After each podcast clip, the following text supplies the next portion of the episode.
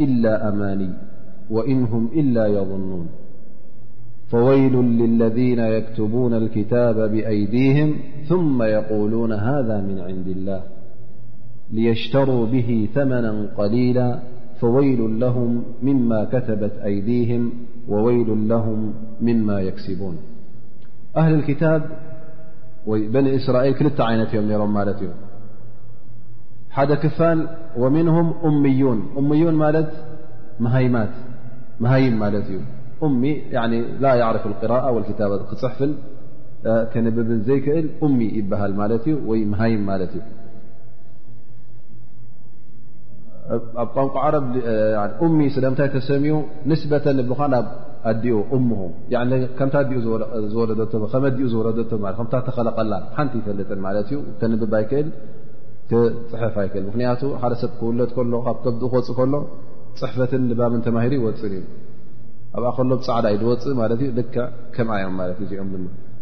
እዚ ሓደ ክፋል እዩ ወምንሁም እምዩና ላ ያዕለሙና ክታብ ጃሂሊን እዮም ነሮም ሓንቲ ፈደናቁር ነይሮም ኣብቲ ክታብ እውን እንታይ ከም ዘሎ ምንም ፈልጡ ይነበሩን እንታይ ደኣ እዞም ሰባት እዚኦም ኣማኒ ዝበሃል ኣሎ ኩሉ እቲ ብዛዕባ ዲኖም ዝፈልጥዎ እንታይ እዩ ትምኒት እዩ ብኣፎም ዝብልዎ ትምኒታት ማለት እዩ እዚ ሓደ ክፋል ማለት እቶም ካልኣይ ክፋል ከ እንታይ እዮም እቶም ዑለማእ ዝበሃሉ እቶም ምሁራት ዝበሃሉ እዚኦም ድማ እንታይ ዩ ነሩ ስርሖም ኣብ ክንዲ ነቲ ክታብ ዘፅንዑ ነቲ ክታብ ተዝዊር ክልውጡን ክቕይሩን ክሽንክሩን ዘይናቱ ክቕትውሉን እቲ ኣብኡ ተፃሒፉ ዘሎ ከውፅኡን እዚ እቲ ስርሖም ነይሩ ማለት እዩ ሕጂ ናይዞም ክልተ ዓይነት ሰባት ኣላ ስብሓን ወተላ ኣብዛ ወይ ከዓ ኣብዘን ክልተ ኣያ እዚአን ይጠቕሰልና ኣለዉ ማለት እዩ ፈምንሁም እምዩና ላ ያዕለሙና ክታብ ኣይ ላ የድሩን እቲ ተውራት ኣብ ኢዶም ዘሎ እቲ ናብ ሙሳ ዝወረደ ክታብ እሕና ኣይሁዳውያንና እናበሉ ከለዉ ኣይሁዳውያን እም ተባሂሎም እከለዉ እዚ ክታብ እዚ እውን ንዕኦም ወሪድዎም ተውራት ብኡ ቀጥ ኣቢሎሞ ኣፅኒዖም ወከዱ ዝግብኦም እንከሎ እዚኦም ግን ኣብዚ ክታብ እዚ እንታይ ከም ዘሎ ሓንቲ ይፈልጡን እዮም ግን እንታይ እዮም ዝብሉ ኣነ ኣይሁዳዊ ይብለካ ኣነ ዲነይ የሁድ እዩ ኣይሁዳውያን ኢና እሕና እውን እንታይ እዩ ረቢ ፈትወና እዩ በቃ ከምዚ ሃሳስ ነጥብታት ጥራዩ ሓፊዙ ማለት እዩ ኩሉ ትምኒት ጥራዩ ጥጥዑሙ ፅፅብቑ ንሕና ኣላ ስብሓን ወተላ እፈትወና እቶም ምሩፃት ሰባት ኢና ኣይሁዳውያን ካልእ ከ እንታይ ኣሎ እሕና ውን ጀሃንም ኣይንኣቱ ኢና ንተኣተና ውን ንውሑዳት መዓልቲ ኢና ንኣቱ ኩሉ ትምኒት ጥራይ እዩ ብኣፎም እብልዎ ማለት ከምዚ ቀደም ሕጂ ዛንታ ፀንሓካ ናይ ኣቦታትካ ናይ ኣቦሓጎታትካ ገለ ካብኡ ዝተረፈ ሕጂ እንታይ ዩ ኩሉ ግዜ ዝተርፍ ፀፅቡቕ እዩ ዝተርፍ ማለት እዩ ንና ከምዚኢና ና ከና ናበስ በልዎም ሕጂ እንታይ ኸውን እዚኦም ጥራይ እቲ ሚራስ ፀኒሕዎም ማለት እዩ በኒ እስራኤል ትጠጥዑም ናይ በኒ እስራኤል ንዑ ጥራይ ኣፅኒዖም ማለት እዩ እሞ ኩሉ ትምኒት ጥራይ ጠጥዑሙ ደስ ደስ ዝብሎም ንዕኡ ጥራይ ኣፅኒዖም ማለት እዮም ላ ያዕለሙን ክታባ ኢላ ኣማኒ ኩሉ እቲ ዘፅንዕዎ ኣማኒ ትምኒት ሓሶት እዩ ድማ መብዝሕትኡ እቲ ዝምነይዎ ዘለዉ ካብ ሓቂ ዝረሓቀ እዩ ወይ ከዓ ጭላፍ ናይ ሓቂ ኣለዎ ግን መብዝሕቱ ሓሶት ይኸውን ማለት እዩ ብኣፎም ዝብልዎ ኩሉ ግዜ እውን ሓቂ ኣይኮነን ብኣፍካ ትብሎ እውን ናይ ግድን ኣብ ክታብ ኣሎ ማለት ኣይኮነን እንታይ ደኣ ትምኒት ትምነዮ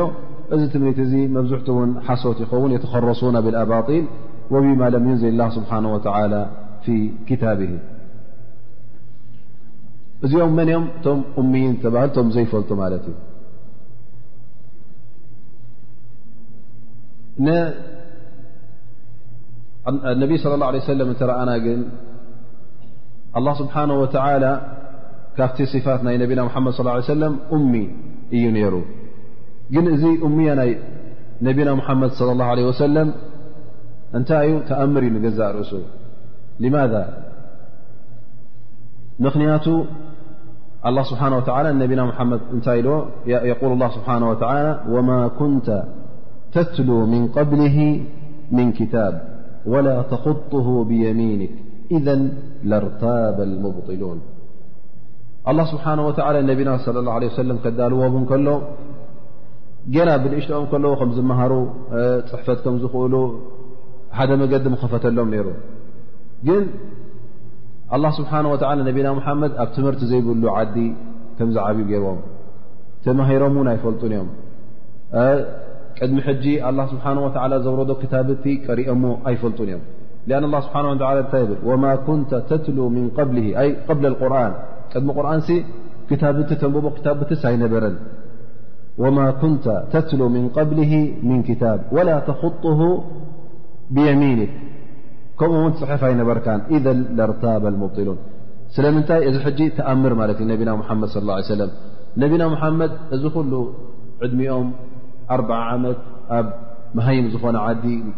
ርእሶምን ንገዛእ ርእሶም ከይተምሃሩ ሕሊፎ እሞ ብድሕሪ እዚ ኣርዓ ዓመት ኣላ ስብሓን ወተዓላ ቁርን ከውርደሎም እንከሎ እዚ ኩሉ ታሪኻት ናይ በኒ እስራኤል ዘሎ እዚ ኩሉ ታሪኻት ናይ ካልእ እሞም ዘሎ ናይ ፍርዖን ዘሎ ናይ ዓድ ናይ ሁድ እዚ ኩሉ ሕጂ ካበይ የምፅሞ ማለት እዩ ቅድሚ ሕጂ ፅሒፎም ፅሕፈት ኣይተምሃሩ ንባብ ኣይተምሃሩ ክታብቲ ናይ ሰይድና ሙሳ ዝነበረ ወይ ናይ ሰይድና ዒሳ ዝነበረ እውን ነቢና ሙሓመድ ስ ሰለም ኣየንበብዎን ኣይቀልዑን ስለዚ እቲ ኣብ ክታብ ቁርን ዝተረኽበ ትምህርቲ ኣብ ክታብ ቁርን ዘሎ ዕልሚ እዚ ፍልጠት እዚ ከመይ ገይሩ መሃይም ሰብ ከምፅኦ ይኽእል ምናልባሽ ቅድሚ ሕጂ ተምሃይካ ርካ ተትኸውን ትፈልጥ ርካ ተትኸውን ኢዘን ለርታበል ሙብጢሉን እቶም ሓሳውዮም ዝብልካ ዘለዉ ምናልባሽ ገለ መእተዊ ናይ ሸክ ወይ ከዓ ናይ ጥርጥር ምረኸቡ ነይሮም ምኽንያቱ በሉ እዚ ዝብሎ ዘሎ ደይ ካብቲ ተውራት ካብ እንጂል ዘምፅኦ ምኽንያቱ ንሕና ከምቲ ንፈልጦ ኣብ ቁርን ኣብ ተውራት ዘሎን ኣብ እንጂልን ዘሎ ንዕኡ ንኸረጋግፅ እዩ መፅኡ ማለት ኣብ እንጂል ሕጂ ኣላ ሓደ እዩ ኣብ ተውራት ኣላ ሓደ እዩ ኣብ ኩሉ ክታብቲ ኣላ ዘውረዶ እታ ቀንዲ መልእኽቲ ናይ ተውሒድ ምዃና እቲ ዮም ኣልቅያማ ከም ዘሎ መላእካ ከም ዘለዉ እቲ ቀንዲ ናይ ኢማን ኢማን ነጥብታት ኩሎም ኣንብያ እተሰማምዑሉ እዩ እዚ ድማ ነቢና ሙሓመድ ስለ ላ ሰለም የንብቡ ነይሮም እንተዝኾኑ ምናልባሽ ካብቲ ዝሓለፈ መፅሓፍ ትምፅዎ ታሪክ ናይ የሁድ እተ ኮይኑ ካብ ክታብ እቲ ናይ የሁድ ኣምፅዎ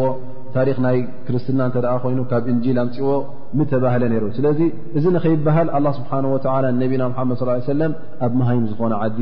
ፅሕፈት ዘይብሉ ዓዲ ፅሕፈት ከይተምሃሩን ንባብ ከይተምሃሩን ከም ዝዓብ ገይሮም ድሕሪ ኣር ዓመት እቲ ውሓይ ምስ ወረደ እቲ ካብ ኣላ ስብሓን ወተዓላ ትኺሉ ብቐጥታ ዝመፆም ዘሎ ዕልሚ ክዝውትሩ ከለዉ ሕጂ እስኻ ንገዛእ ርእሱ ሕጂ ዓቢ ተኣምር እዩ እዚ ሰብ እዚ ካበይ ዘምፅኦ ዘሎ ዕልሚ ናይ ግድን ኣይተምሃረ ኣይፀሓፈ ኣየበለ ናይ ግድን እንታይ ክኸውን ኣለዎ እዚ ውሓይ ክኸውን ኣለዎ ማለት እዩ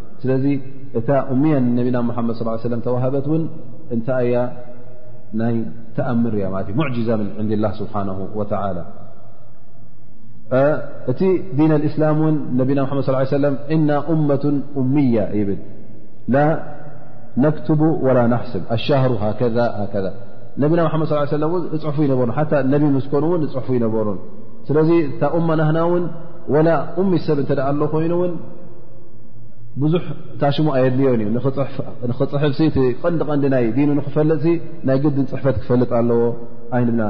ማለት እቲ ናይ ስያም ግዜ እተ ኮይኑ እቲ ናይ ሓጅ ግዜ እተ ኮይኑ ከይፅሓፍካን ከየበልካን እቲ ናይ ሰላት ግዜታት እውን ብፀሓይ ብናይ ፀሓይ ምዕራብን ብናይ ምንቅስቃስ ስለ ዝፍለጥ እዚ ሕጂ ኣይቀየርን እዩ ስለዚ ንሕናስ ኣየድልየና ሒሳብ ክንፈልጥ መዓልታት ቁፅርታት ገበታት ዓርካ ክትፈልጥ ቀዳምነት እዚ ክትፈልጥ ኣለካ እስልምና ንክትኣቱ ወይ ከዓ እስልምና ንክከተተግብር ኣይትባሃልካ ስለዚ እቲ ዲን ናህና እውን ወላ ኡሚ እተ ኮይንካ ውን ነቲ ኩሉ ፈርድታት ናትስ ክትሕዞ ወይ ከዓ እቲ ኣድላይ ኣድላይ ዝኾነ ነጥበታት ቀጢልካ ንክትሕዞ እውን ትኽእል ኢኻ ማለት እዩ እዚ ዕልሚ ቁርብ ዕልሚ ኣለዎ ኮይነ ሞኒ ትስልምና ክኣት ወይ ክእል ክትብሎ ኣይትኽእልን ኢኻ እቲ ዓለም እዩ እቲ ፍልጠት ኣለዎ ሒሳብ ኽእል ዩ ፅሕፈት ኽእል እዩ ንባብ ኽእል እዩ እዚዩ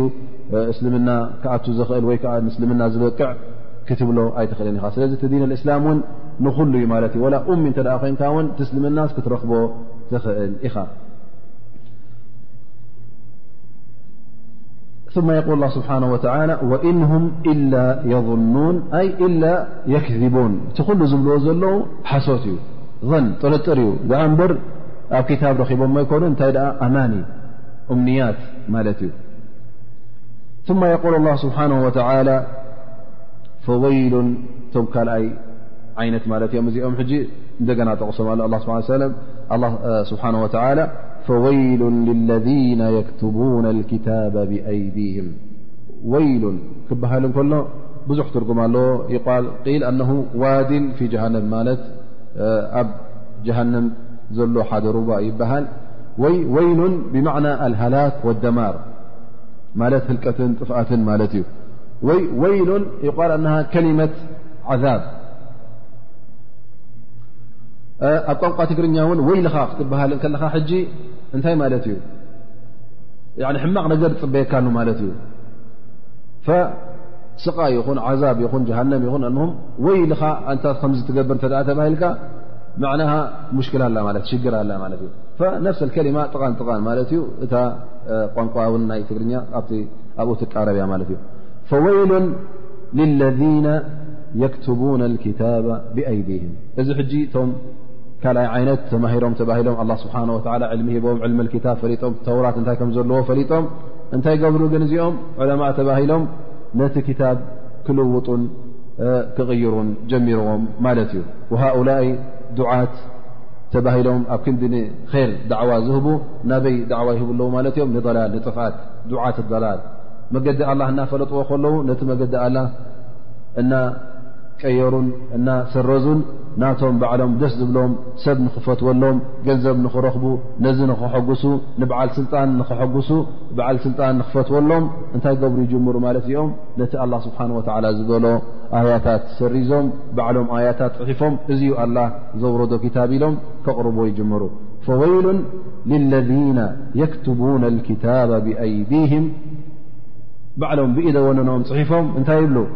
ሃذ ምን ዕንድ ላህ እዚ ዩ ካብ ኣላ ስብሓን ወላ ዝመፀኩም እዚ ዩ ኣላ ዘውረዶ ይብሉ ማذ ስለምንታይ ዮም ከምዚ ዝገብሩ ልየሽተሩ ብሂ ተመና ቀሊላ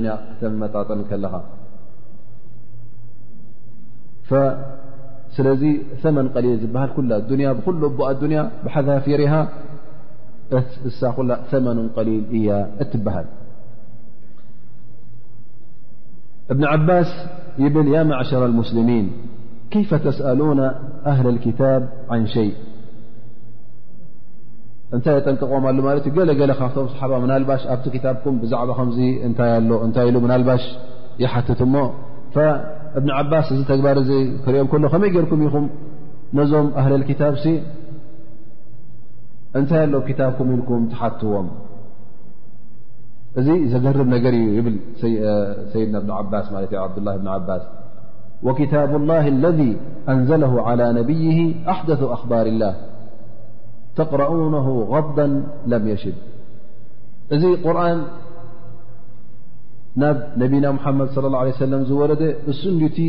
ዝحدث ت أحدث حدش ካብ الله سبحانه وتعلى ዝورد እሱ ይكن تقرؤونه غدا ና شوت له لت بر ብلملم غدا لم يشب أي نغፀ أي أرج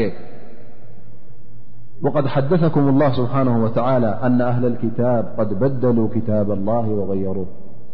الله سبحانه وتعالى ون أهل الكتاب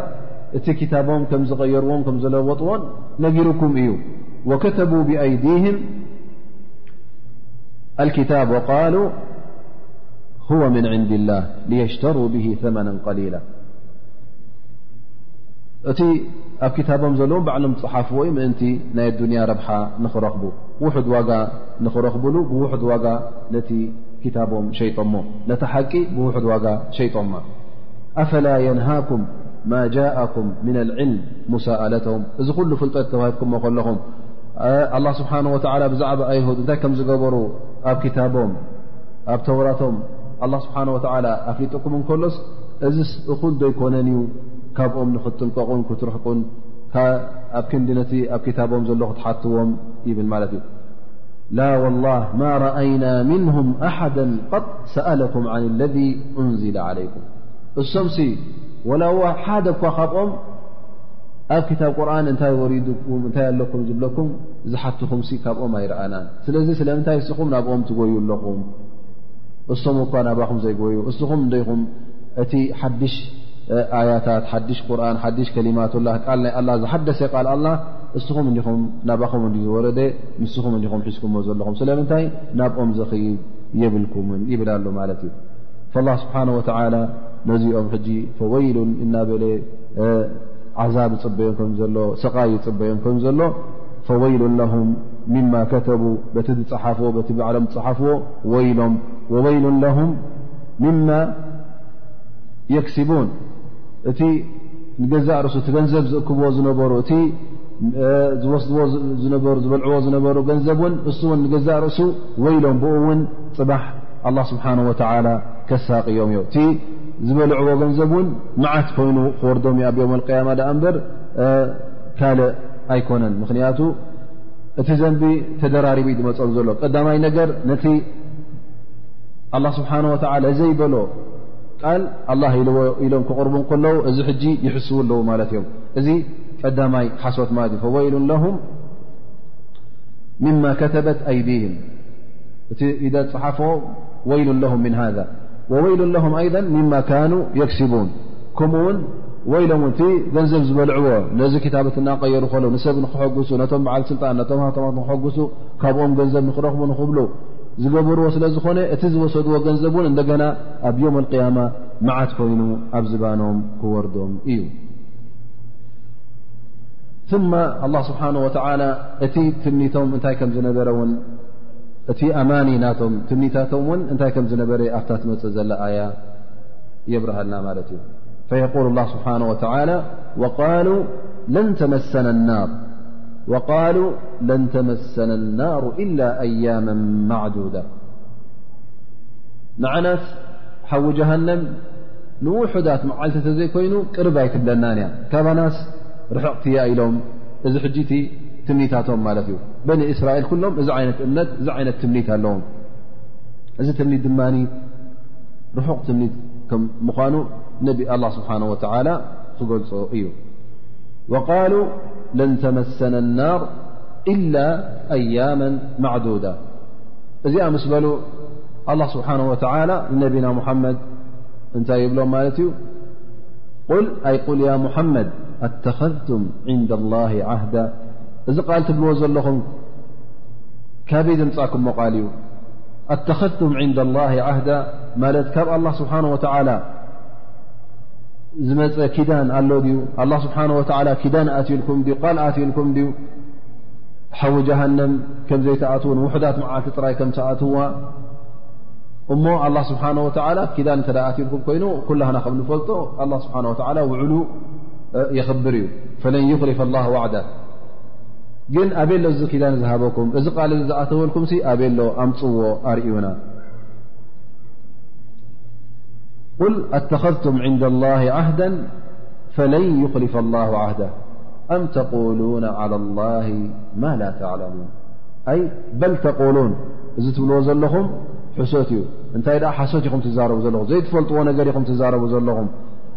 ኣርዓ መዓልቲ ጥራይ እያ ማለት ቃሉ ለን ተመሰለ ናር ኢላ ኣያማ ማዕዱዳ እብን ዓባስ ይብል እንታይ የብሉ ነይሮም ኣርዓ መዓልቲ እየን ጥራይ ጀሃንም ንኣትዋ ንና ንር መዓልቲ ጥራይ ኢና ዮም ዝብ እዚ ዓይነት እምነት ነይርዎም ማለት እዩ ገሊኦም ድማ ኢሎም እዘን ኣርዓ መዓልቲ ብምንታይ ኣምፅኦመን በተን ኣያም ዕባደትም ልዕጅል ነታ ምራኽ ዘምለኹላ መዓልታት ኣርዓ ስለ ዝነበራ ልክዕ ክንዲዚአን መዓልታት እዚአን ኣርዓ መዓልቲ እንተዘይኮይኑ ኣይሁዳዊ ዝበሃል በኒ እስራኤል ዝበሃል ኣብ ሓዊ ጀሃንም ካብዚ ንላዕሊ ኣይክገብር ኢሉ ኢሎም ይኣምኑ ነይሮም ማለት እዩ ላኪን ላ ስብሓን ወተላ ኣም ተቁሉን ዓላ ላ ማ ላ ተዕለሙን እዚ ዝበልኩምሞስ ሓቂ የብሉን ባዕልኹም ኢፍትራእ ካባኹም ሕሶት ተዘይኮይኑ ካብ ክታብ ዝረኸብኩምሞ ኣይኮነ ኣላ ስብሓን ወተላ ዘውረዶ ዋሓይ ኣይኮነን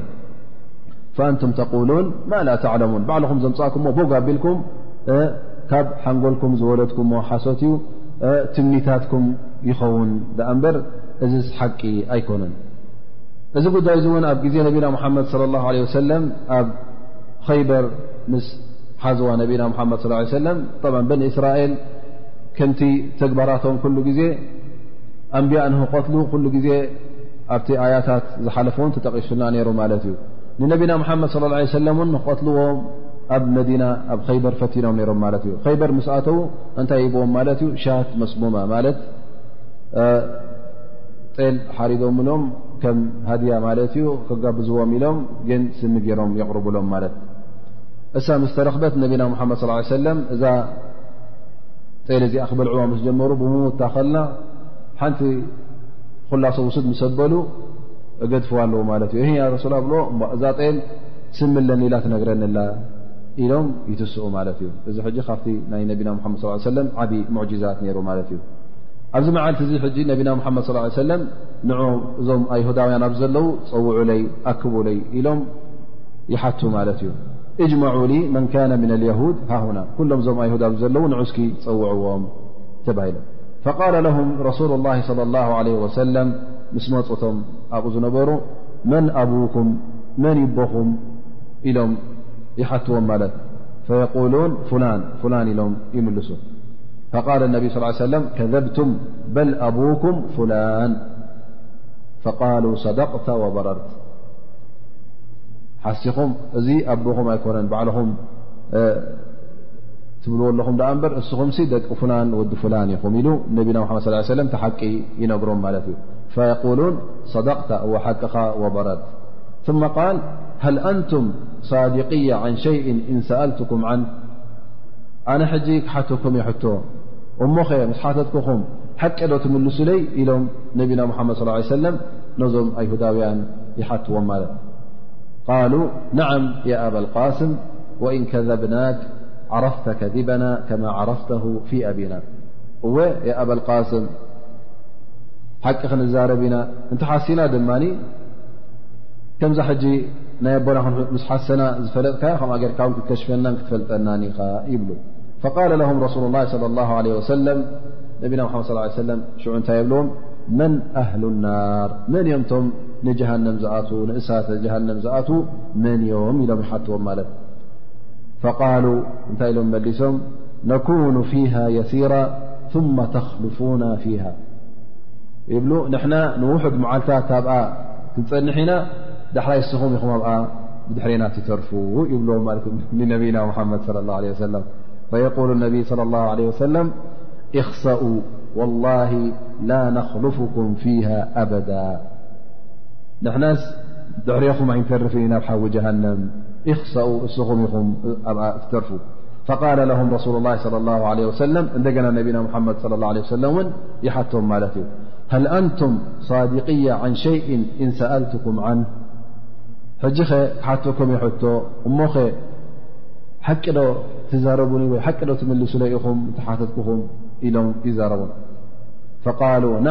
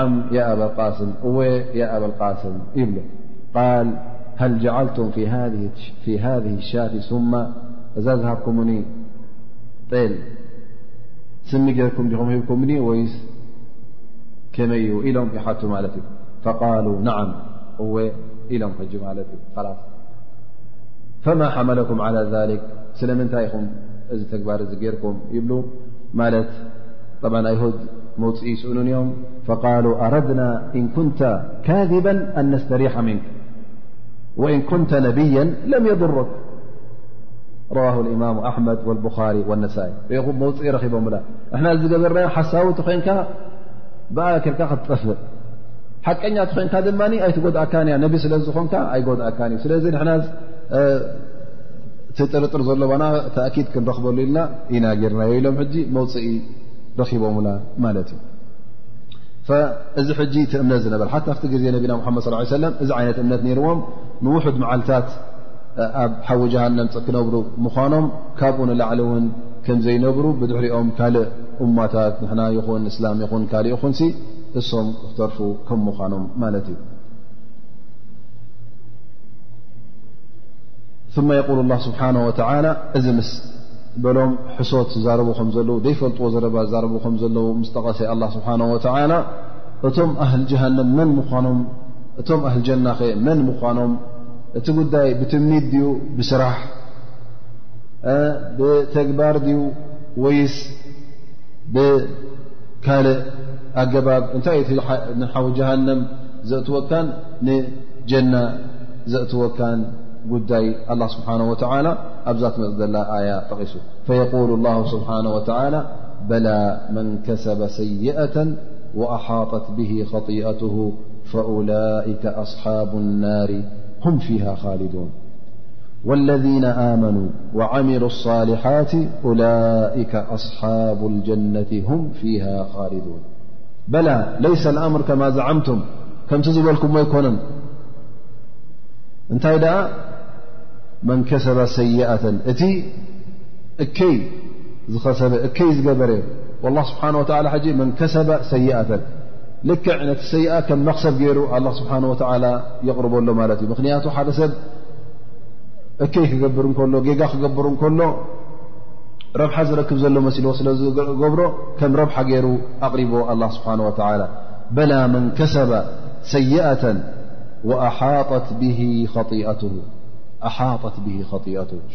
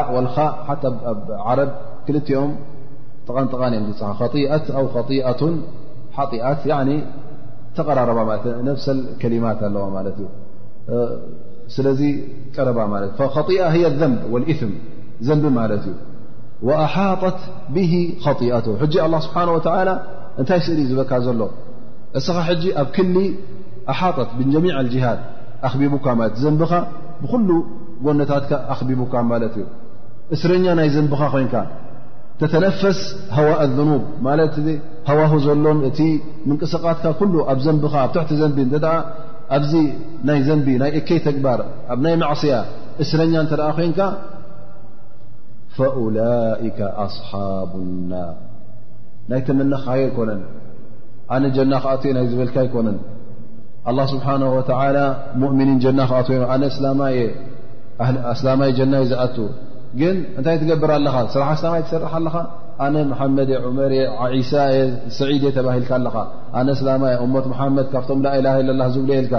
ግን እንታይ ትገብር ኣለኻ ስኻ ጥራይ ኩሉ ትምኒት ንሕና እሞት መሓመድ ላኢላ ለላ ዝበለ ጀና ክኣት ኢልና ነቢና ሓመድ ንሕና ኣልኣወሉን ኣልኣክሩን እቶም ቀደማ መጀመርያን ጀና ንኣቱ ንሕና ኢና እቶም ዝበለፁ ከይረ ልእመም እሞት መሓመድ እዚ ሕጂ ፍልሊ የለን ጥራይ ነዚ ፅኒዕካ ነዚ ትምኒታት እዚ ፅኒዕካ እንተ ረኣናካ ኣብ ሰላት ሰላት ኣይትሰግድ ኣብ ስያም ኣብ ሰያም ኣይትርከብ ኣብ ዘካት ኣብ ዘካት ኣይትርከብ ኣብ ሰናይ ተግባር ኣብ ሰናይ ተግባር ኣይትርከብ ማዕስያ ዝግበረሉ ቦታ ግን ኣብኡ ቀዳማይ ኮንካ ትርከብ መስተ ትሰቲ ኣብ ዝምውና ትርከብ ኣብ ሽርክ ትርከብ ኣብዚ ኹሉ እተ ትርከብ ኮንካ ብኣፍካ ናይ ተመነኻዮ እንታይ ክጠቅም እዩ ጠቅም ኣነ ካብ እመት መሓመድ ኣቦይ መስጊድ የስርሕ ነይሩ ተበልካ ላ እቶም ቀዳሞት ኣባሓጎታትና ጨጥ ኣቢሎም ምስልምና ሕዝቦ ነይሮም ተበልካ ኣነ ወዲ ፍላ ወዲ ፍላ ወዲ ሸክ ፍላ ተበልካ እንታይ ጠቕመካ እዚ ትምኒት ዩ ዳኣ እምበር ንዓኻስ እንታይ ጠቕመካ ይኽእል ግን ኣላ ስብሓን ወተላ ሕጂ ናይ ስምካ ተሰመኻዮ ኣይኮነን ወዲ ፍላ ናይ ዝተባሃልካ ይኮነን ኣነ ሽመ እስልምና ሒዘ ኣነ ካብቶም ኣስላም ዩ ኣነ እውን ካብቶም ተኸተልቲ ነቢ ሙሓመድ ወይ ካብቶም ተኸተልቲ ዒሳ ካብቶም ተኸተልቲ ሙሳ እየ ናይ ዝበልካ ኣይኮነን እንታይ ደኣ በላ መን ከሰበ ሰይኣተን ግብርኻ እዩ ዘውፃካ በዓል እከይ እተ ኮንካ እከይ ትእክብ ነርካ እተ ኮንካ እዚ ዝኣከብካ እከይ ኣብ ትሕቲኡ ተኣሲርካ ወይ ከዓ ኣብ ክሊ ናይ እከይ ትነብር እተ ነርካ ኮንካ ፈኡላይከ ኣስሓብ ናር እቲኦም እዮም ቶም ኣህል ናር ቶም ጀሃንም ዝኣትዉ ሁም ፊሃ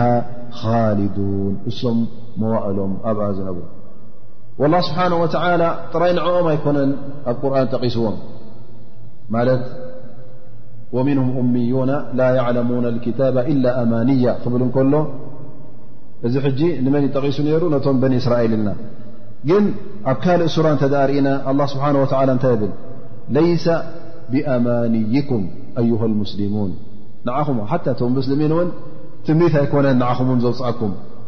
ወላ ኣማንይ ኣህሊ ክታብ ኩላና ኣብዛ ጉዳይ እዚኣ ሓደ ኢና ምናልባሽ እሶም ብትምኒት ክድሕኑ ይከኣሉን ምናልባሽ ንሕና ንድሐን ኢና ንኸይትብል ማለት እዩ ለይሰ ብኣማንይኩም ወላ ኣማንይ ኣህሊ ክታብ መን ያዕመል ሱء ይጅዘ ብህ ወላ የጅዱ ለሁ ምን ዱን ላህ ወልያ ወላ ነصራ እከይ ዝገብር ፅባሕ ንግሆ ብኣ ክፍደ እዩ ፃምኡ ክረኽባ እዩ በታ እከይ ዝገበራ ፃምኡ ክረኽባ እዩ ወላ የጅዱ ለ ምን ዱን ላ ወልያ ወላ ነሲራ ብጀካ ኣላ ስብሓን ወላ እውን ኣብ ዮም ቅያማ ክጠቕመካን ከናግፈካን ክዕውተካን ዝኽእል የለን ካብቲ ዓዛብ ላ ስብሓ ወ ዘናግፈካ ኣላ ስብሓን ወላ እዩ መን እዩ ወልይኻ ሽዑኡ መን እዩ ደጋፊኻ ኣላ ስብሓን ወላ ዝኾነ ይኹን ሰብ ዝኾነ ይኹን ፍጡር ይዕበ ይንኣሽ መላእካ ይኹን ሰብ ይኹን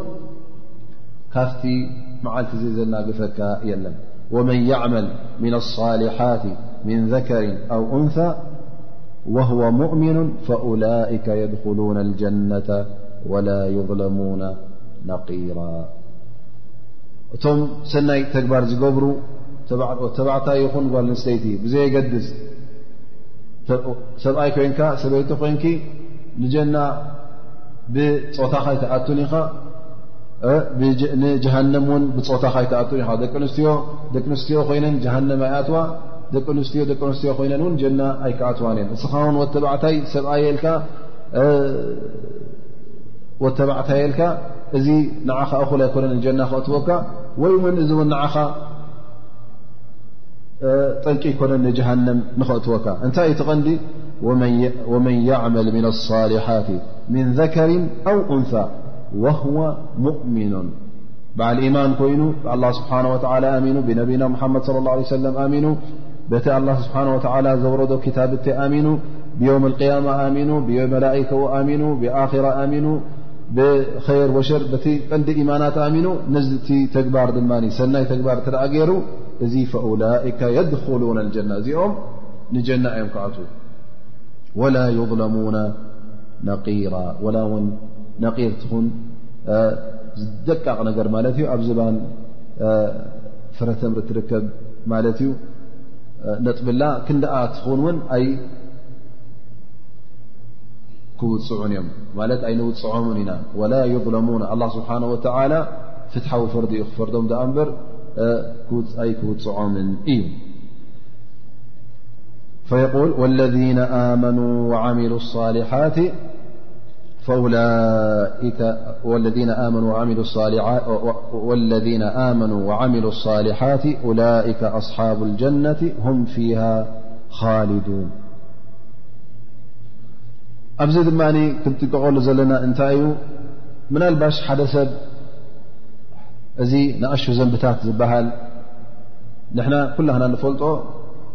ከባኢረ ዝኑብ ዝበሃል ኣሎ እቲ ዝዓበየ ሽርክ ቢላህ ዕቁቅ ልዋልዴን እዚና ር ወር ኣክሊ ኣምዋል ናስ ብባል እዚታት ሕጂ ዓበይቲ ዘንብታት ብዙሕ ኣሎ ማለት እዩ ኩሉ ሰብ ዝፈልጦ ኣሎ ድማ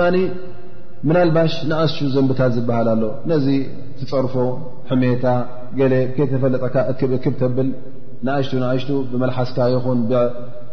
ካልእ ተግባራት ተምፅኦ ኣሎ ገንዘብ ሰብ እንታይ ኣለዋ እዚኣ ደ ዓሰርተ ቅርሺያ ደ ሓሙሽተ ቅርሺያ ደ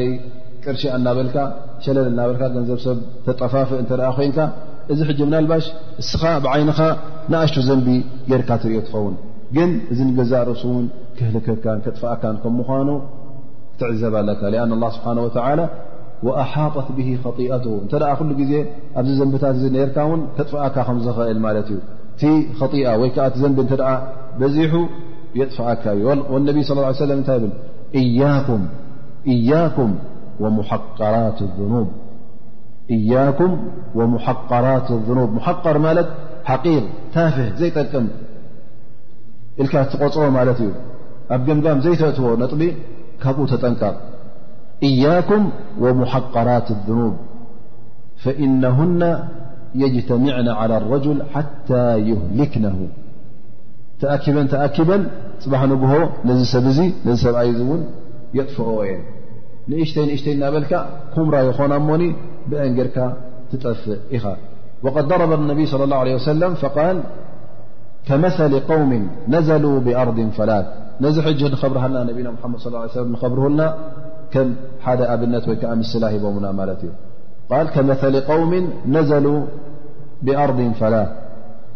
فحضر سنيع القوم فجعل الرجل ينطلق فيجيء بالعود والرجل يجيء بالعود حتى جمعوا سوادا وأججوا نارا فأنضجوا ما قذفوا فيها اذ م يمسلكم إلم نبينا محمد صلى اله عليه وسلم مسل يقرب جل سبات ك جيش ملت يم ብሓንሳ ኣናገሹ ከለዉ ኣብ መንገዲ ወይ ከዓ በረኻ የዕርፉ ምስ ኣዕረፉ ግዜ ናይ ምንታይ መፅእ ናይታ ዝበልዑላ ሰዓት ትመፅእ ተረኣዩ ዕንጨይቲ የብሎምን እንታይ ኢሎም ከላስ እሞ ኣብ ክንዲ ሓደ ከይዱ ሕጂ እሪ ዝውዕል ማለት ክሳብ ዕንጨይቲ ንኩላና ዝእክበልና ክዱንጌልና ብማለት ኸላስ ኢሎም ኩላትና ንበገስ ሓሓንቲ ዕንጨይቲ ጥራይ ሒዝና ንምፃእ ኢሎም ማለት እዩ ሀራ ኢሎም ክድ ኢሎም ሓንቲ ዕንጨይቲ ሕዝ ኢሎም ከይዶም ኣምፅኦም ኣቐምጥ ኣቐምጥ ኣቢሎሞ ወይ ዕንጨይቲ ሕጂ ዓብ ኹብራ ኮይኑ ማለት እዩ ልክዕ ከምያ ሕጂ ስኻ ምናልባሽ እተ ሪኻያ በብ ሓንቲ ተኣኪበን ሕጂ ፈኮስቲ እየን ስ ሓንቲ ዕንጨይቲ ምፅ ክትበሃል ከለኻ ንኻ ፈኳስ እ ኢልካ ተምፃ ግን ሓደ ሰብ ኩለን ኣምፅኦን ከተባሂሉ ምከበድኦ ነይረን ማለት እዩ ሕጂ ፈኮስቲ ስለዝኾና ሕጂ ከምዚኣ ብቐሊል ነገር ዘሕለፍዋ እዚኦም እታ ናይ ዘንቢ እውን ቀሊል ጌርካ መጀመርያ ክትእከባ ከለኻ ቀላል ቀላል በብሓንቲ ትስምዓካ ግን ምስ ተኣከበ እንታይ ይኸውን ሕጂ ኩምራ ይኸውን ማለት እዩ ምስ ተኣከበ ድማ ሽዑ ሓዊ ወሊዖ እሞ ሓዊ ምስ ወልዕዎ ንኩሎም ኣኪልዎም እቲ ስንቆም ኣብሲሎም በሊዖም ፀጊቦም ማለት እዩ ሕጂ ንገዛእ ርእሱ ንስኻ እዚ ልክዕ ከመይ ክትሪኦ ኣለካ እቲ ዘንብኻ ልክዕ ከም ዕንጨይቲ ማለት እዩ ንሓዊ ጀሃንም ሕጂ ዕንጨይቲ ተንብረልና ኣለኻ ማለት እዩ ኣቐምጥ ኣቐምጥ እናበልካ ከይተፈለጠካ ከሎ ኩምራ ዕንጨይቲ ክኸውን ኣሎ ፅባሕ ንግ ነብስኻ ኣብኡ ክትጠብሳ ኢኻ ማለት እዩ ኣብዚ ሓዊ እዚ ስለዚ እቲ ሙሓቂራት ዝኑብ እቲ ንኣሽቱ ንኣሽቱ ዘንብታት ዝበሃል እንታይ ኣለዎ ዝበሃል ከይተፈለጠካ ተኣትዎ ዘንብታት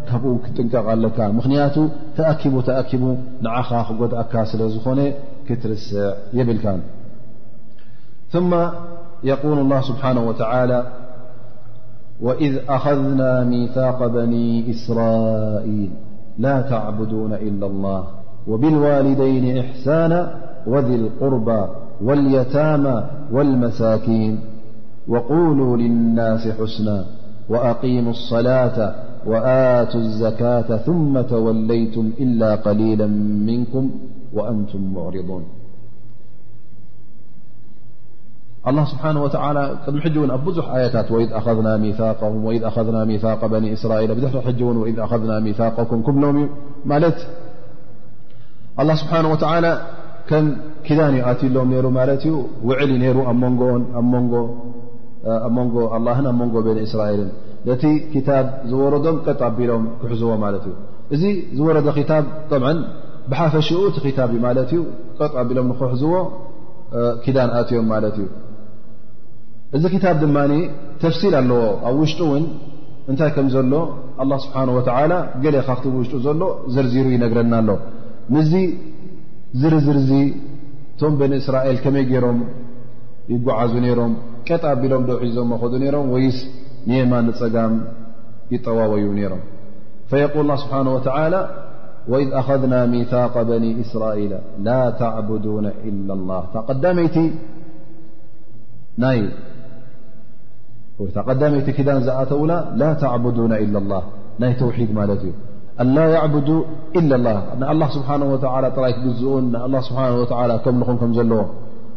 ብጀክኡ ካልእ ኣላ ኣሎ ኢሎም ንኸይኣምኑ እቲ ንኣላ ዝወሃብ ኣምልኾት ኩሉ እውን ንኣላ ጥራይ ንኽብዎ ነቲ ምራኽ ኢሎም ዝገበርዎ ወይ ከዓ ካልእ ዓይነታት እምነታት ኣምፅኦም ንኸይኣምኑ ኣላ ስብሓን ወተላ ቀዳማይ ሚታቅ ወይከዓ ቀዳማይ ኪዳን ውዕሊ ዝኣተወሎም ብዛዕባ ናይ ተውሒድ እዩ ነይሩ እዚ ጉዳይ እዚ እውን ጥራይ በኒ እስራኤል ኣይኮኑን ኩሎም ነብያት ኩሎም ኣንብያ ኣላ ስብሓን ወተላ ክልእኮም እንከሎ እዛ መልእኽቲ እዚኣ ታዝዓበየትን ተኣገዳሰትን መልእኽቲ እያ ነይራ ፈየቁል ላ ስብሓን ወተላ ወማ ኣርሰልና ምን ቀብሊካ ምን ረሱል ነቢና ሓመድ ስ ሰለ ኣብ ቁርን እና ተዛረበ ከሎ ኣ ስብሓን ወተላ ይብል ወማ ኣርሰልና ምን ቀብሊካ ያ ሙሓመድ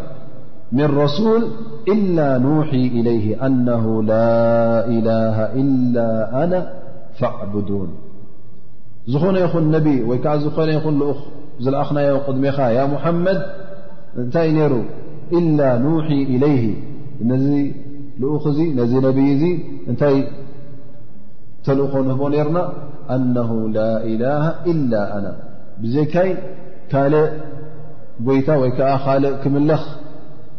ዝግብኦ ኢላህ ወይ ከዓ ኣላህ የለን ላኢላሃ ኢላ ኣና እዚ ስለ ዝኾነ ድማ ፈዕቡዱን ንዓይ ኣምልኹ ንዓይ ተገዝኡ ንዓይ ዒባዳኹም ሃቡ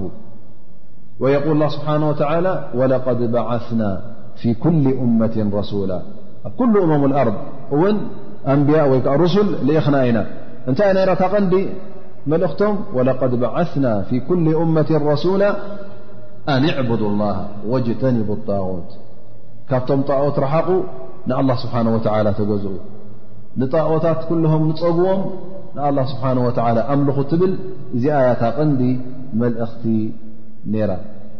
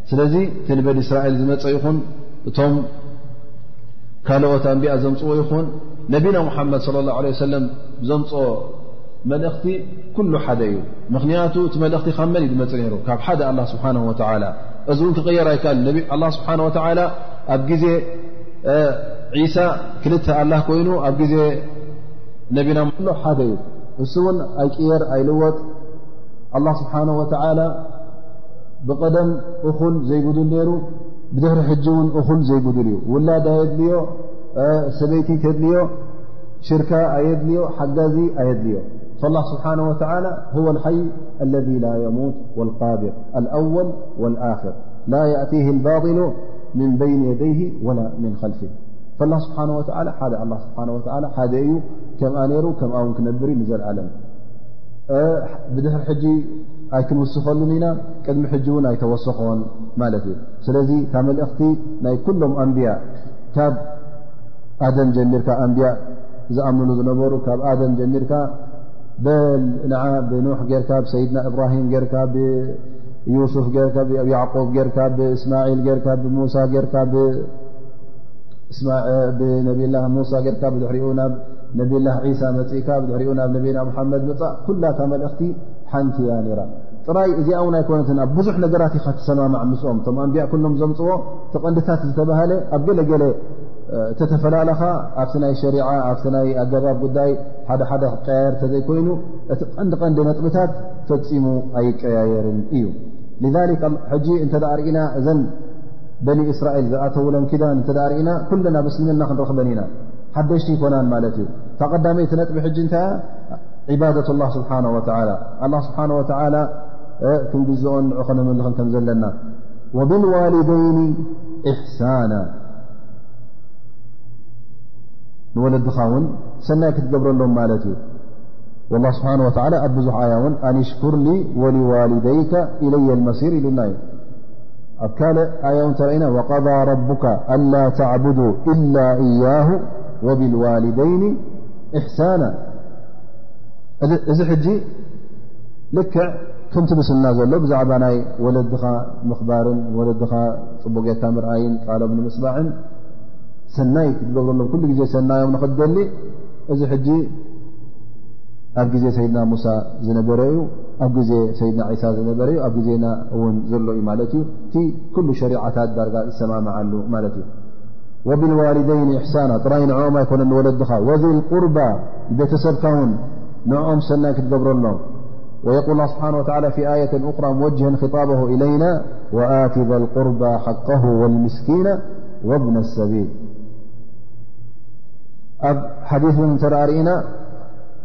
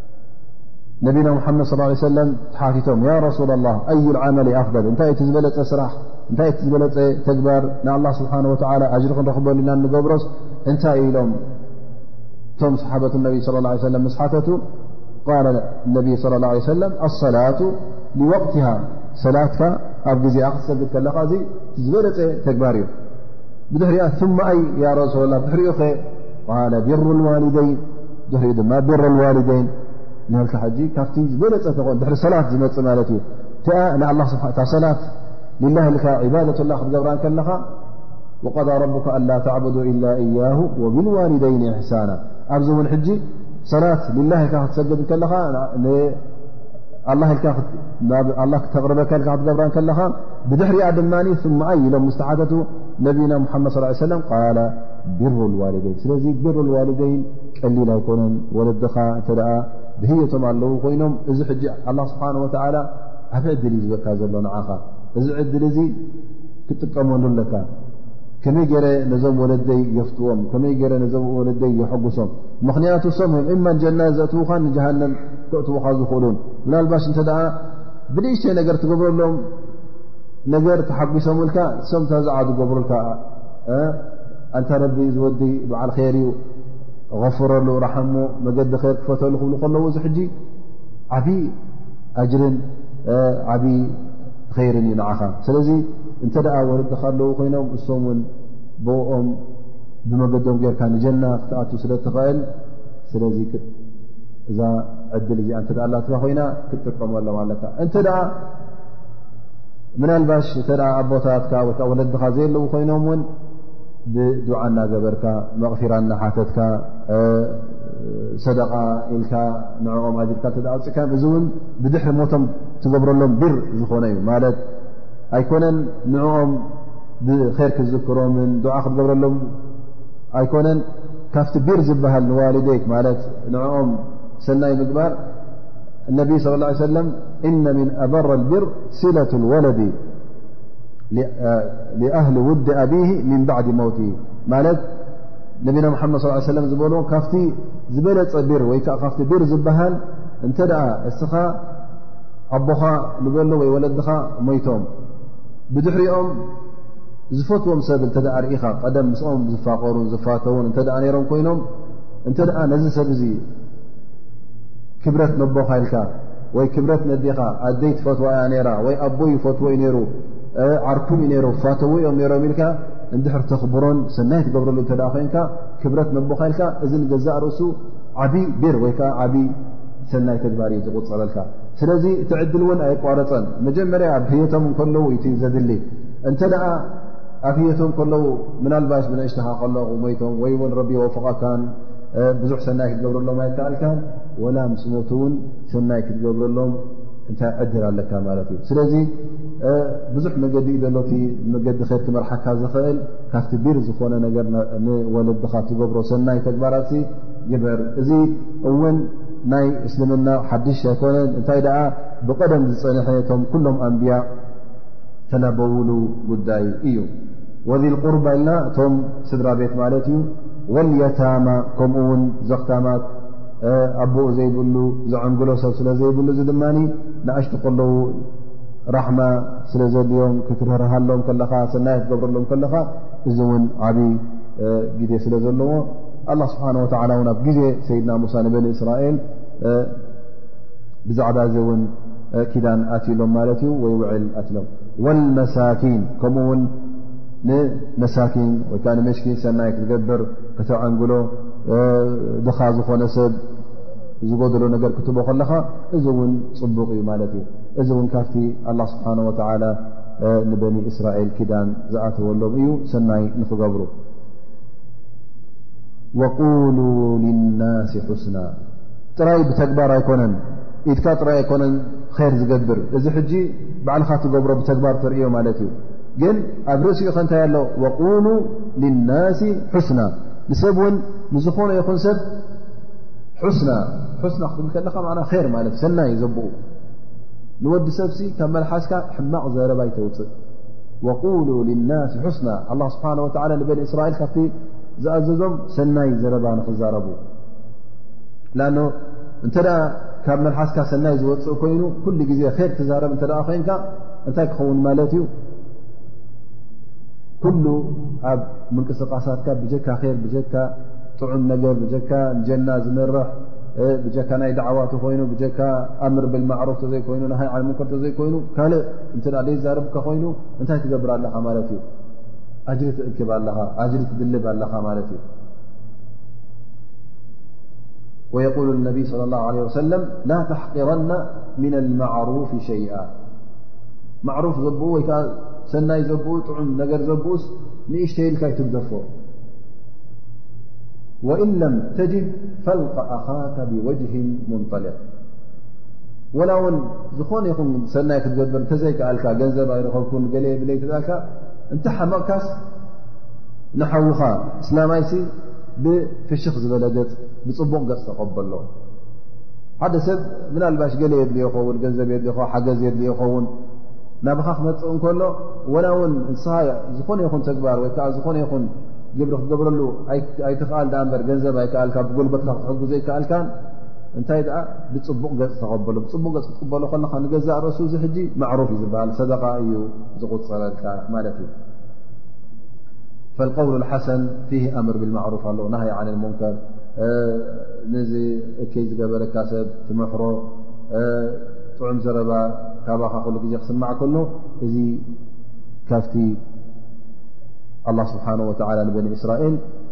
ከምኡ ውን ንሕና እውን እዚ ተኣዘዝናዮ ኢና ማለት እዩ ጥራይ በኒ እስራኤል ክብለ ግን ኣላ ስብሓን ወተላ እንታይ እዮም ተኣዚዞም እንታይ ሰናይት እዮም ተኣዚዞም እሶም ከ እንታይ ገይሮም ነዚ ሰናይ ከ ከመይ ገይሮም ተቐቢሎም ሞ ንዑ ንኸርእየና ወይ ከዓ ንዑ ይዘንትወልና ኣሎ ማለት እዩ ኣብዚ ሕጂ ክልተ ዓይነት ኢልና እቲ ብጉልበት ዝኸውንን ብኢትካ ትገብሮን ከምኡ ውን ብመልሓስካ ትገብሮን ንክልትኡ ከተኣሳስሩ ከም ዘለዎም ኣላ ስብሓን ወተላ ኪዳን ኣትዩ ሎም ነይሩ ማለት እዩ ኣብ ርእሲኡ እውን ተን ቀንዲ ዝኾና ተግባራት ተን ዋጅብ ዝኾና ክገድፎን ዘይብሎም ንዐን ጠቒሱ ማለት እዩ ፈየቁል ኣላ ስብሓን ወተላ ወኣቂሙ ሰላተ ወኣቱ ዘካት እዚ ሕጂ እቲ እተዋህቦም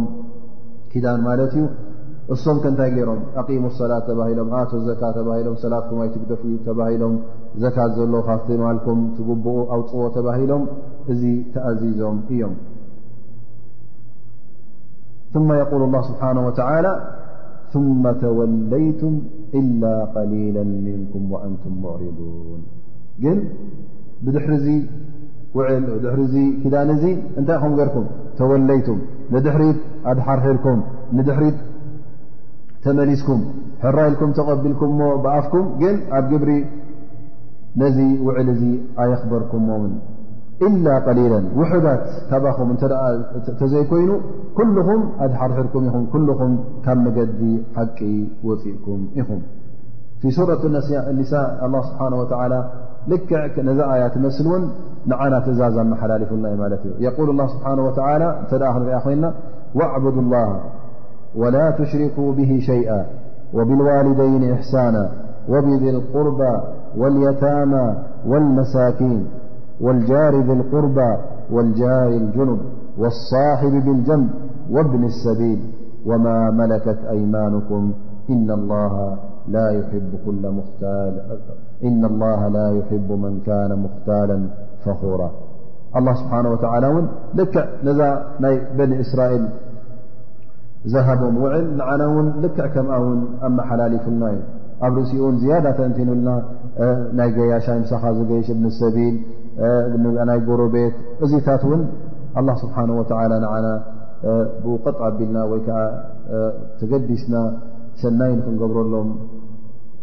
ኣዚዙና እዩ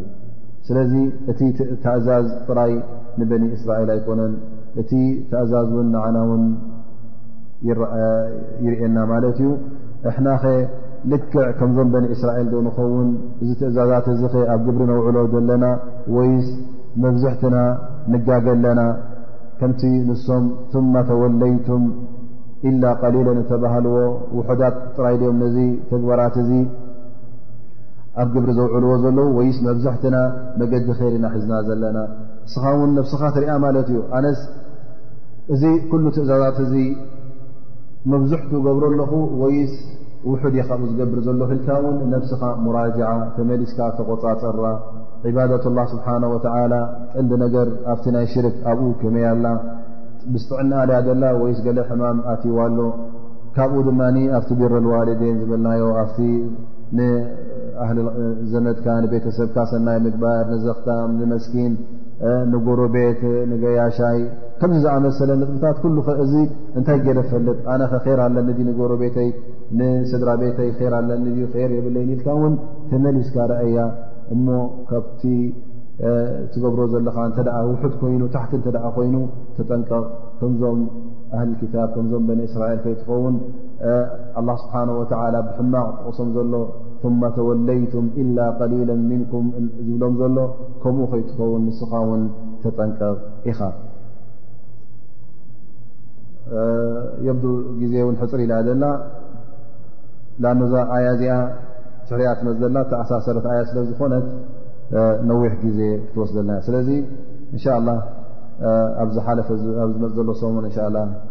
ወኢዝ ኣኸዝና ሚታቀኩም ኢልና ንጀምር ከምቲ ልማድና እንሻ ላ ኣብቲ መጨረሻ ደርሲ ንገብሮ ገለ ሕቶ ተሎ ወይ እውን መጀመርያ ኣብቲ ፋይዳ ንኣቱ ማለት እዩ እቲ ቀንዲ ቀንዲ ፋይዳታት ወይ ከዓ ፍሬታት ዝሓዝናዮ እተ ኣሎ ኮይኑ ኣብኡ እንሻ ላ ሕዝኩሞ ዘለኹም ተኻፈሉና ማለት እዩ ብየማን ክንጀምር ሕራይ ወላ ብቅድሚት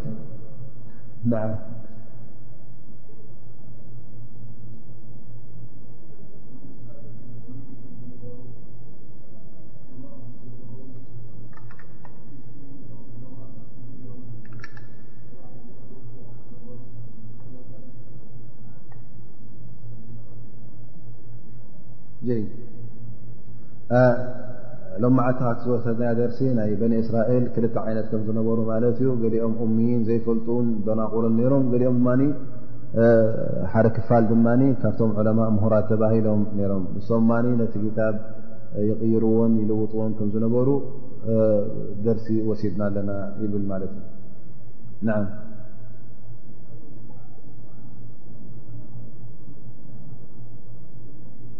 ካብቲ ትሚታት ናይ በኒ እስራኤል ዝነበረ ድማ ንውሕዳት መዓልቲ ካብ ኣርዓ መዓልቲ ዘይሓልፋ እሰን ጥራይ ኢና ንሓዊ ጀሃነም ንኣቱ ዳኣ እንበር ንሕናስ ካብቶም ኣህሊ ጀና ኢና እዮም ዝብሉ ነይሮም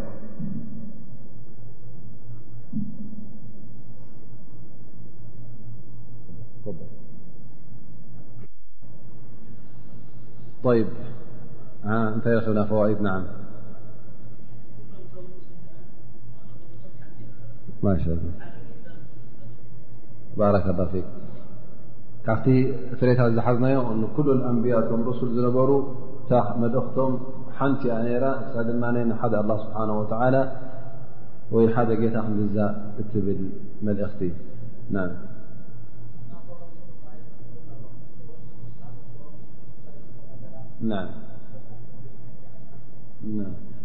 በኒ እስራኤል ድማ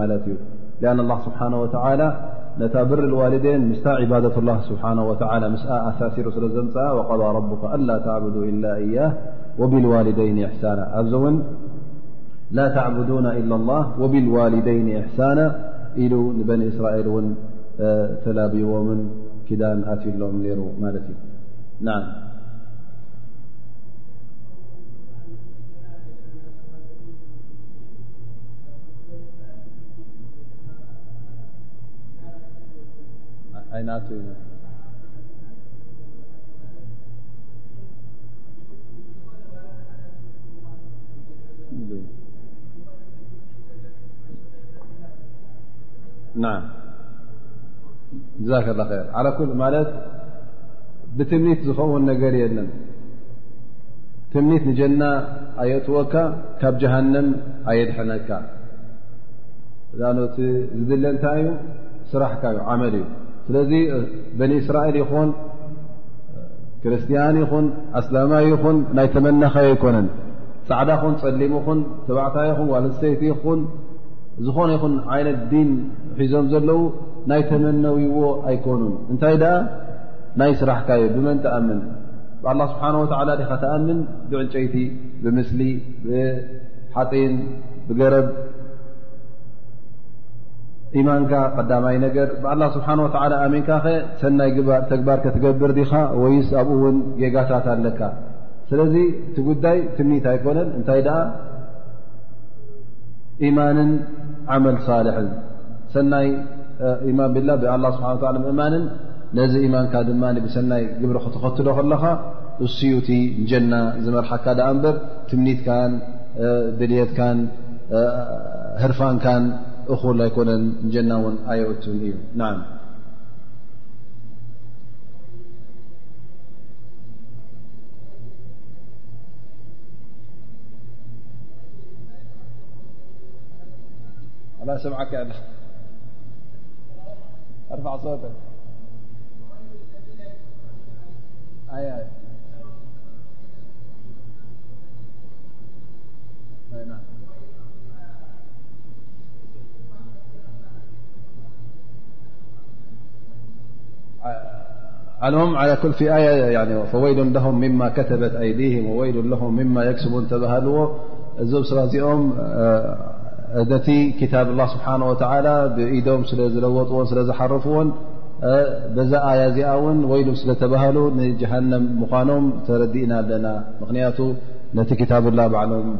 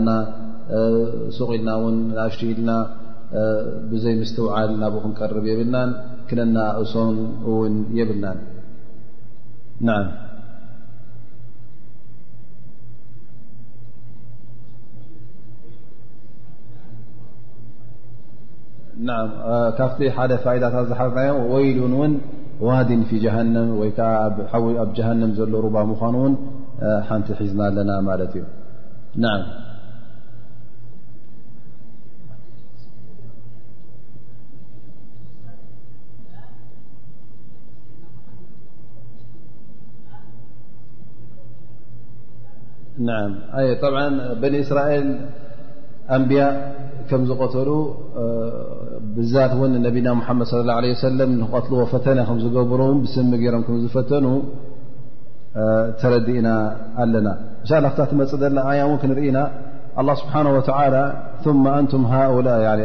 ወይ በኒ እስራኤል ክጠቕሶም እንከሎ ኣንብያ ይቐትሉ ከም ዘለዉ እውን ጠቒስዎም ነይሩ እዚ ተግባር እዚ ይቕፅል ከም ምኳኑ እውን ጠቒስዎ ነይሩ ማለት እዩ ቅድሚ ሕጂ ቀትሎም ፈተነ ናይ ምቕታል እውን ሓተ ሰይድና ዒሳ እውን ንክቀትልዎ ፈቲኖምዎ ግን ኣይቀተልዎን ነቢና ሓመድ ስ ሰለም እውን ብስሚ ይኹን ብስሕር ይኹን ካብ ዝባን ገዛ እውን እምኒ ደርብዮም ንክቀትልዎ እውን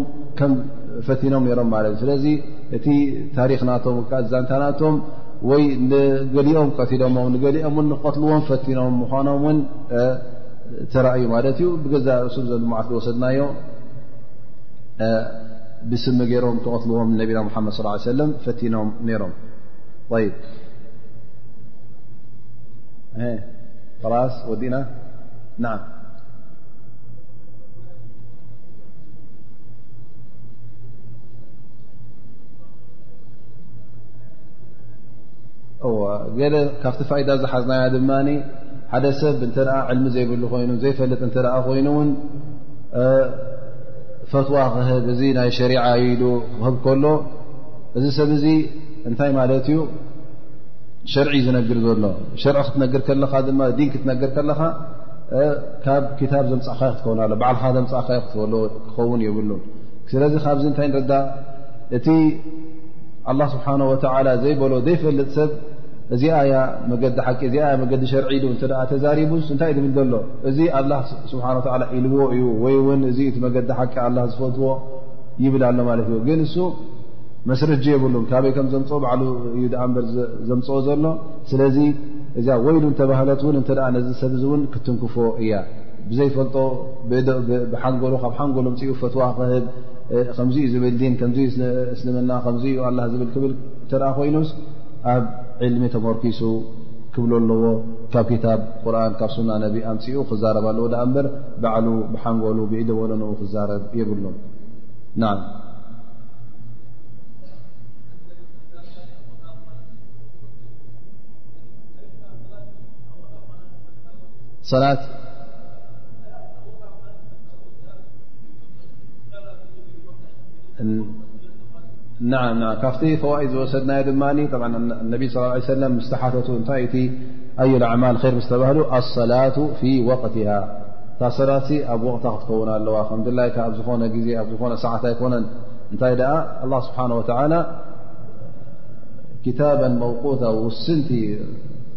ስለ ዝገበራ ግዜኣ ስለ ዝወሰለልካስ ኣፍታ እዋና ኣፍታ ሰዓታ ክትሰግዳ ኣለካ ኣብ ድላይካ ግዜን ኣብ ድላይካ ሰዓትን ኣይኮነትን እትስገድ ከምኡ ውን ካብቲ ዝሓዝናዮ ፋይዳ ድማ ኣኖ ኣህሊ ክታብ እቶም በቲ ኣላ ስብሓን ወላ ዘውረደሎም ዝኣመኑ ውሕዳት እዮም መብዝሕቶም ከም ዝጠፍኡ መብዝሕቶም ኣህሊ ላል ከም ዝነበሩ ን ስብሓ ወ ል ቱመ ተወለይቱም ኢላ ቀሊላ ምንኩም ወኣንቱም ሙዕሪዱን እቶም ውሑዳት ተዘይኮይኖም መብዝሕትኹም ጠፊኡኩም ኢኹም ማለት እዩ ሓታ ግዜ ነቢና ሓመድ ስ ሰለም እናፈለጡ ከለዉ እቶም ምስልምና ዝኣተዉ ኣይሁዳውያን ውሕዳት እዮም ነሮም እናፈለጡ ከለዉ ነቢ ምኳኑ እናፈለጡ ከለዉ ብነቢና ሓመድ ስ ሰለም ዝኣመኑ ውሑዳት እዮም ነሮም ቅድሚ ሕጂ ርእና ኢና ነቢና ሙሳ እውን ከመይ ገይሮም እታለልዎን ከመይ ገሮም ከም ዘትዓብዎን ከመዘይ ገሮም ከም ዘድከምዎን እውን ኣብ ዝሓለፈ ኣያታት እውን ርኢና ነርና ማለት እዩ ስለዚ እቶም ቀጥ ኢሎም ኢማኖም ሒዞም ዝኸዱ ካብ በኒ እስራኤልሲ ብጣዕሚ ብጣዕሚ ውሕዳት እዮም ነይሮም ና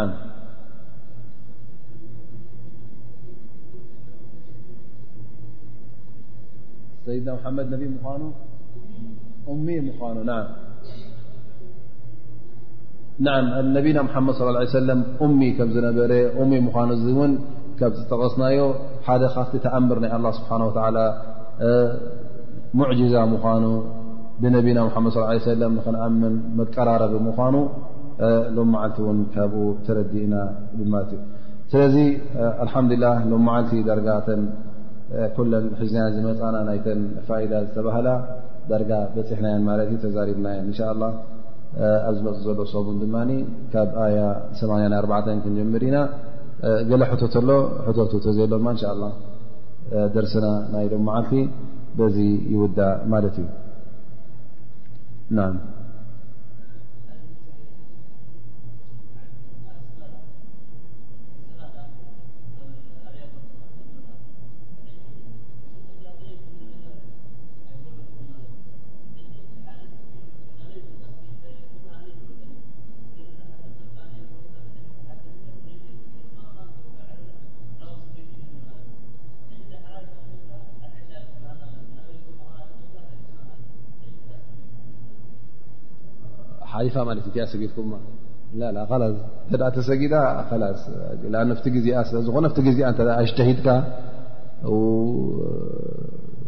ርኸባ ኣይትርከባ ላስ እኽልቲ እያ እታ ሕቶ ትብል ዘና ማለት ዩ ኣብ ኤርፖርት ነርና ኣብ መጣር ኣብ ኣስመራ ማለት ዩ ግዜ መቕሪብ ኣኪሉ ክሰግድ ዘልየ እታ ቂብላ በየን ምዃና ኣይተረዳእትን ኣይፈለጥክዋን እዩ ዝብል ዘሎ ማለት እዩ ንሓደ ተሓተትኩ እሱውን ኣነ ወላ ይፈለጥኩን ግን በዚኣ ትኸውን ኢለ በዚኣ ሰጊደ ኣለኹ ኢሉኒ ኣነ ድማ ንዑ ተኸትለ ብኣቢለ ሰጊደ